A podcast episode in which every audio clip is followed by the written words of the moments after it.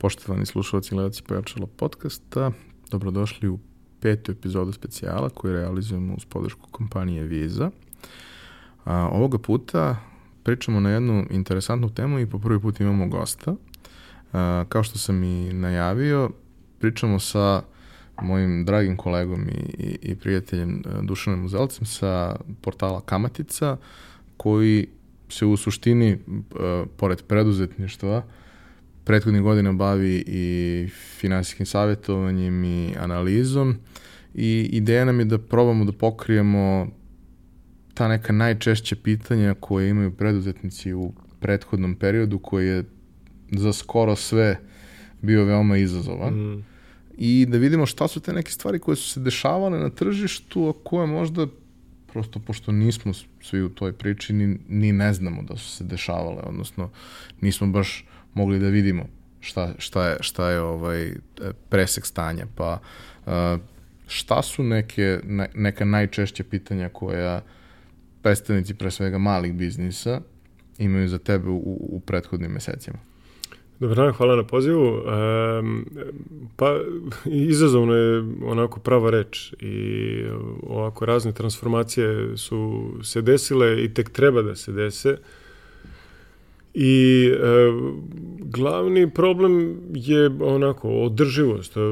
Preduzetništvo samo po sebi je onako na, na duge staze aktivnosti i čim se oseti neka, neki problem u, u održivosti te posto praćenja te duže staze e, odmah se dižu uzbune kako to, kako to prevazići. Ono e, dominantno problematično je finansiranje i, i to je nešto što um, biznisi što manji, što veći, ajde često me pitaju kao da li će mali preživeti, ja kažem nema tu odnos mali i, i veliki, ima stabilni i nestabilni i, i moram da kažem da nažalost svaki problem u financijama je, je postoji zato što nešto nije urađeno pre šest meseci i pre godinu dana. I to je ono što, što nažalost, oni koji su problemi čuju šest meseci kasnije. No, što se kaže,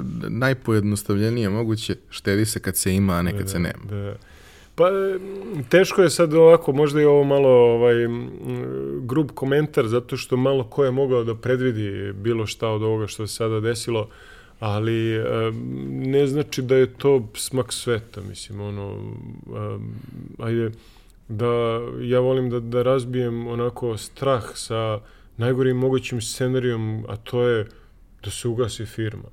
I ja kao neko ko, ko je ono bio na, na, na granici i na gašenju projekata, ajde na kraju krajeva, to su sve mini firme bile, ovaj, mogu da kažem da to nije ništa strašno, mislim, ono, to je na neki način i oslobađajući moment da, da se okrene novi list, da se krene od starta, da se stane na loptu, da se pretresu greške, nedostaci prethodnog funkcionisanja.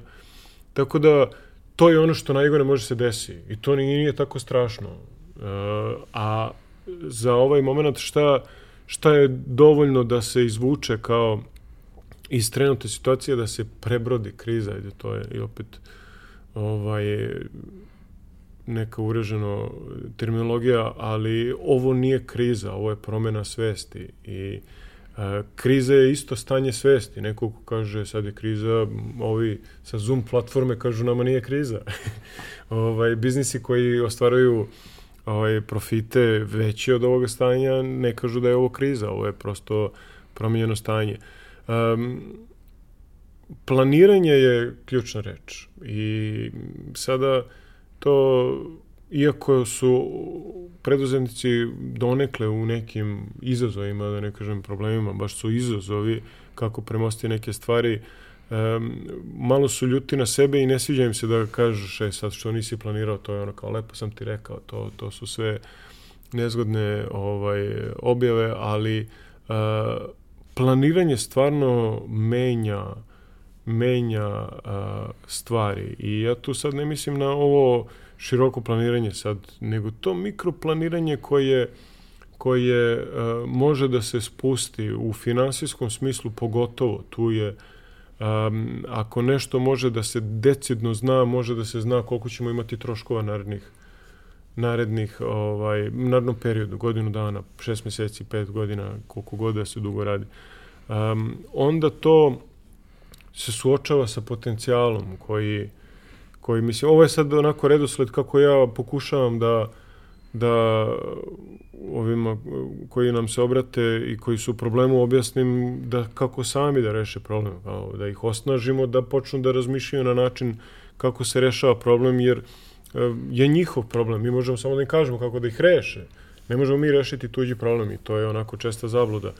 Um, I ono što sam primetio da da dosta uh, preduzetnika očekuje finansiranje, ne, ne kažem pomoć, nije to adekvatan termin, ali očekuje finansiranje koje bi im pomoglo da prebrode uh, celu situaciju. I to je sve, ok, ima to nekog smisla, ali govorio sam i ranije i sada mislim da je to vrlo kratkog daha, ima tu i neki bumerang efekat da um, kada se preduzetnicima daje novac uh, bez, da kažem, bezuslovno, što smo imali par tih meseci unazad, da to ima ograničenje jer uh, utromi sistem i prosto to da on nastavi da radi tu predznačnu aktivnost, da je ili zatvori ili prešalta na, na drugu, uh, kvari taj moment odluke.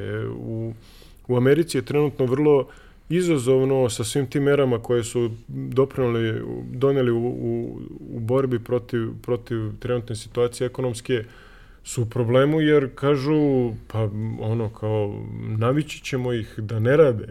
Sad to zvuči onako strašno, ali, ali ovaj, um, to su razmišljenja sa druge strane. A moj savjet preduzetnicima u tom domenu financija, održavanja poslovanja i a, budućeg razvoja je, je planiranje. I, i stvarno a, trudimo se da da damo metodologiju kako se to radi. Neki misle da, da, su, da su im krediti jedino rešenje. Krediti su mač sa dve oštrice i to je ono što, što onako baš na kraju a, i pričamo i savjetujemo jer ja kredit onako doživljam kao kao motornu testeru i vi ako ste vešt drvoseča, to će vam obezbediti lagodan život, jer ćete imati šta da radite sa latom takvim. Ali ako ste nevešti, nikad ranije niste imali, niste, se, niste hteli da čitate uputstvo, ne znate ni ono, ni, ni, ni mere, mere bezbednosti da pročitate, ne želite ništa to da, da, da koristite, a, vrlo verovatno da će vam testera onako biti veći problem nego, nego problem koji rešavate. I to je nekako ovaj, kako ja volim da i formulišem kredit. Kredit je finansijsko rešenje koje e, rešava neki problem, a ne pravi novi. Ovo ne pravi novi je planiranje. Jer uh, uzeti kredit da se premosti samo trenutna situacija bez planiranja je taj, možda je bumerang, možda je, možda je bomba, znači ne znamo šta nešto. Možda je samo produžavanje agonije. E, slažem se, znači, ali prosto nisam ja taj koji, koji smem da kažem ti to treba da zatvoriš jer očigledno nećeš uspeti ili ti to uh, treba da održiš jer ćeš uspeti, jer mislim da baš iz te samostalne, zato je ovo kompleksniji, teži put da kažeš nekome čekaj da ti objasnim kako stvari funkcionišu, jer to zahteva pažnju s druge strane, koja je često ono, kada imate kada imate savet koji, koji niste tražili, ne doživljavate ga kao dobronameran. I uh, ono što je pozitivno u celoj toj priči da, da će to izgenerisati ono, otpornijeg preduzetnika, da, da će te lekcije uh, postojati, um, bitno je samo povući, povući liniju. Uh, to je recimo češći problem gde, gde emotivno se unesu u biznis da je teško podvući, povući liniju do koje se ide. I to su destruktivni momenti kada kada recimo posao koji propada, što nije ništa strašno. Ja stvarno naglašavam da biznis koji je propao nije ništa strašno. Mislim, ono, ovaj, jel imate negde video klub da, da funkcioniše danas? Znači, to čak i po prirodi ne postoji biznis koji traje večno. Znači, on ili će izumreti zbog ovog ili onog razloga ili će zbog okolnosti ili zbog neprilagođenosti,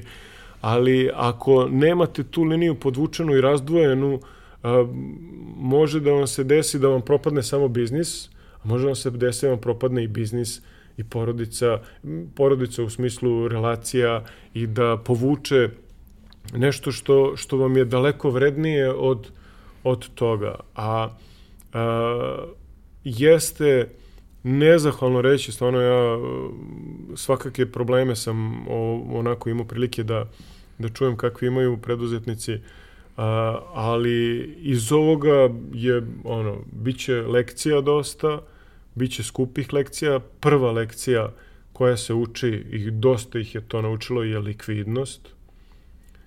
A, druga lekcija je naplata, znači ide u skladu sa, sa likvidnošću i to su recimo momenti koji, koji, e, koji su isto kritični, e, gde e, dosta ljudi smo odgovorili od od, od kredita, jer je mislio da mu je kredit rešenje problema, njemu je bio problem uh, likvidnost i nenaplativost potraživanja.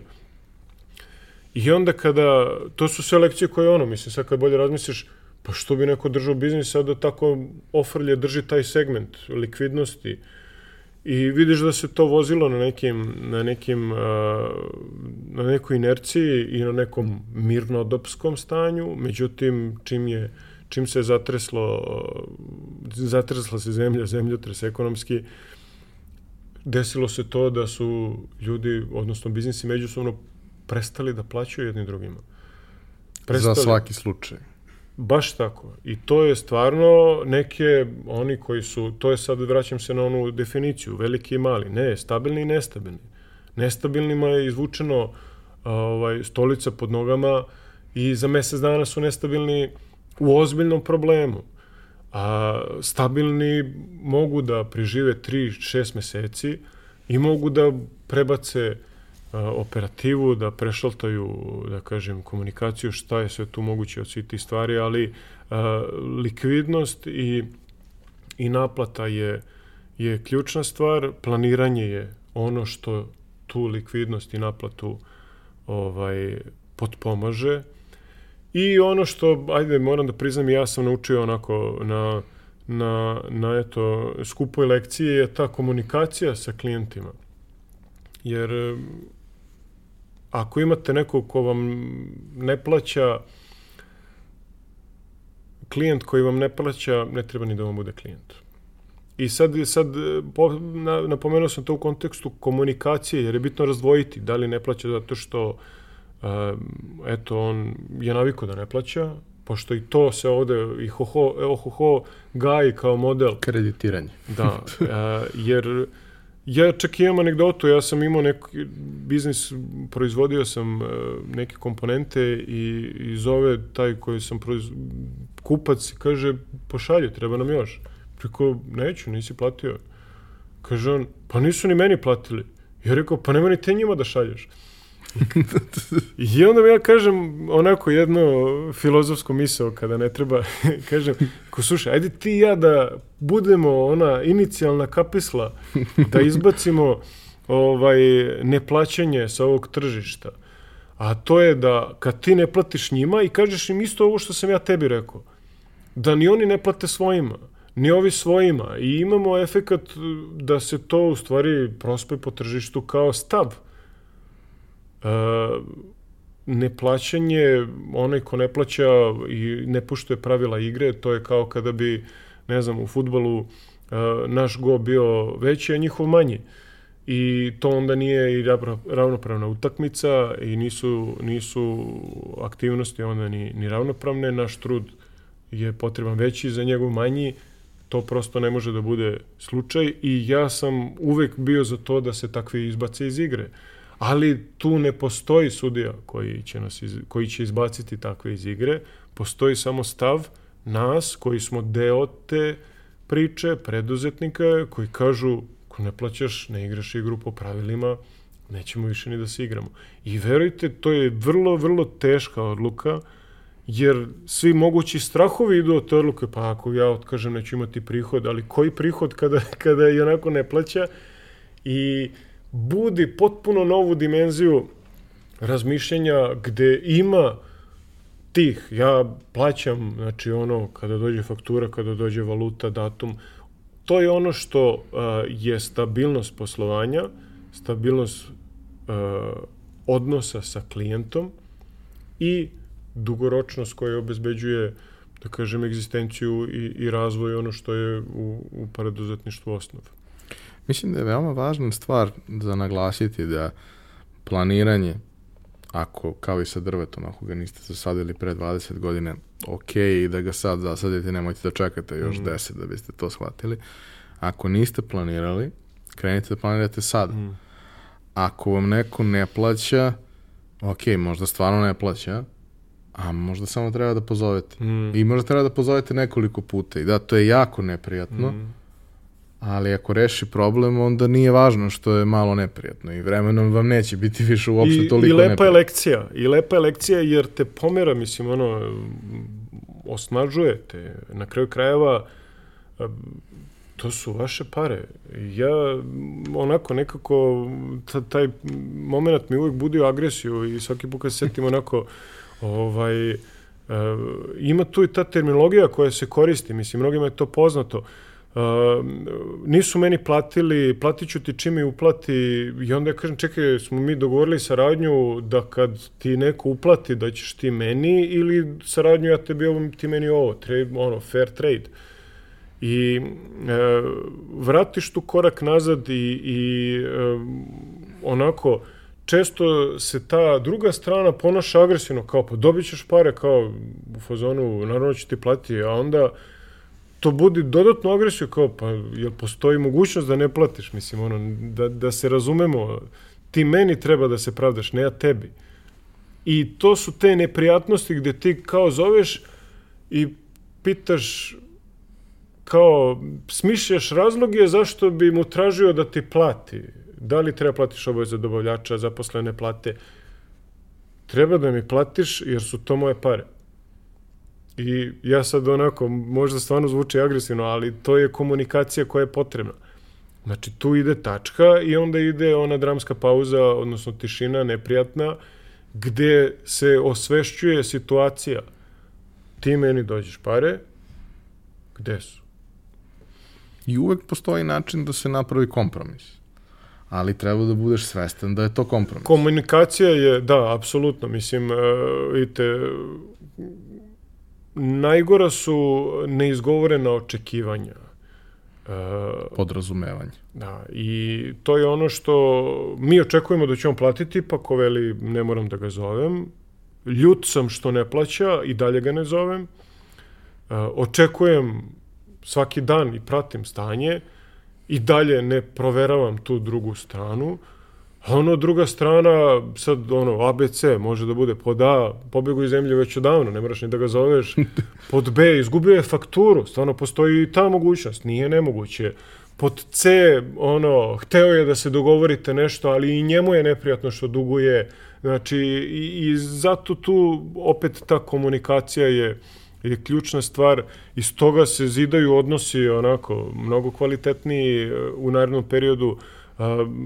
Niko nije u poslu da, da radi a, za nekoga. Svi mi radimo za sebe i taj trade mora da funkcioniše, uvek će funkcionisati i a, ravnopravnost u, u trgovini bez obzira na veličinu entiteta. To je jako bitno da ljudi znaju da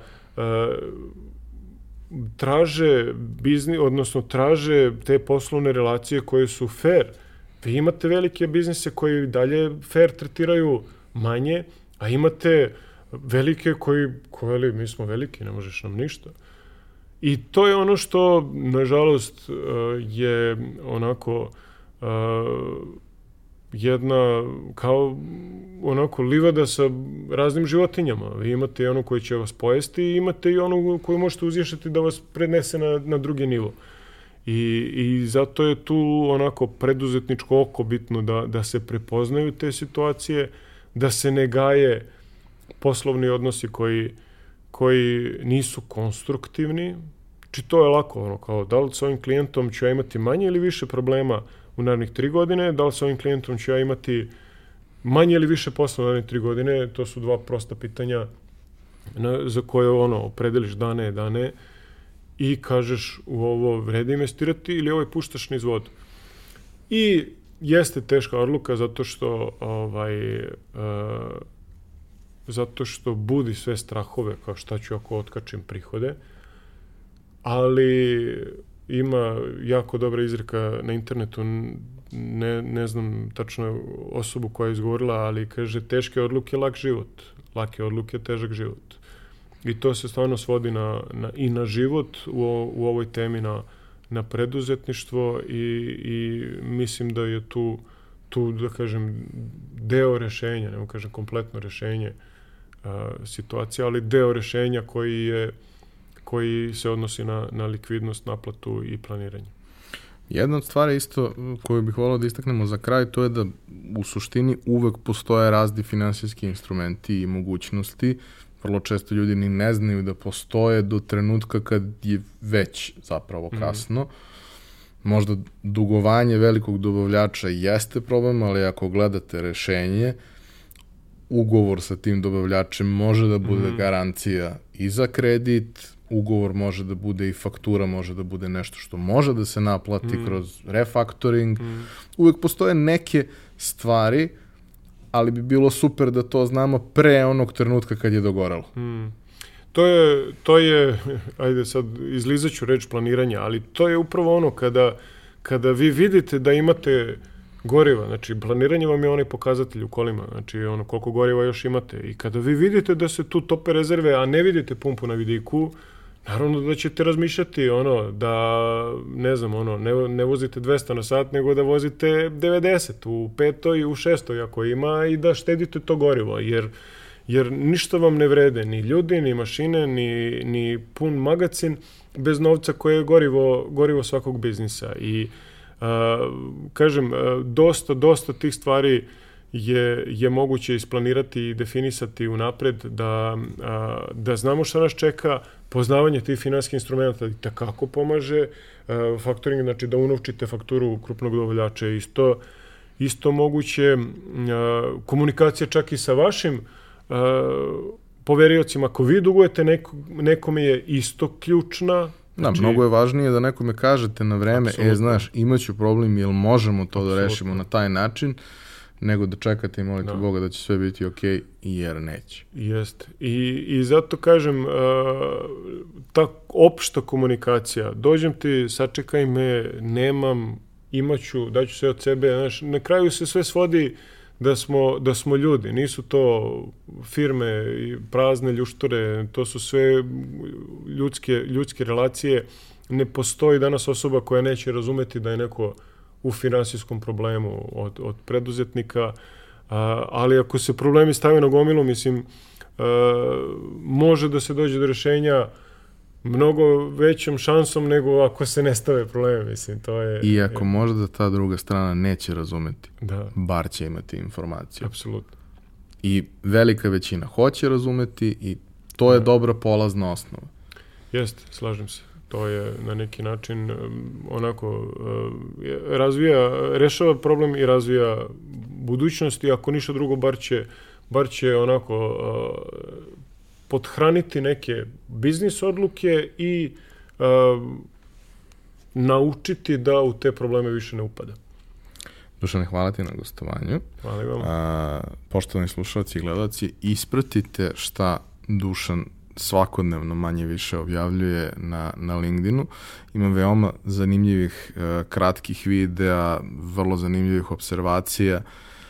Najzanimljiviji su oni ljudi koji vas staraju da se zamislite, a on je jedan od njih. Takođe, u narednim nedeljima imat ćemo i veliki intervju uh, koji će vam upisati celu njegovu karijeru i razne neke veoma interesantne momente kroz koje on prolazi u, u, u tom periodu. Hvala kompaniji Visa što nas podržava u realizaciji ovog specijala. Hvala im na tome što i na lokalu i na globalu prave jednu fantastičnu akciju koja se zove Platforma za podršku malom biznisu.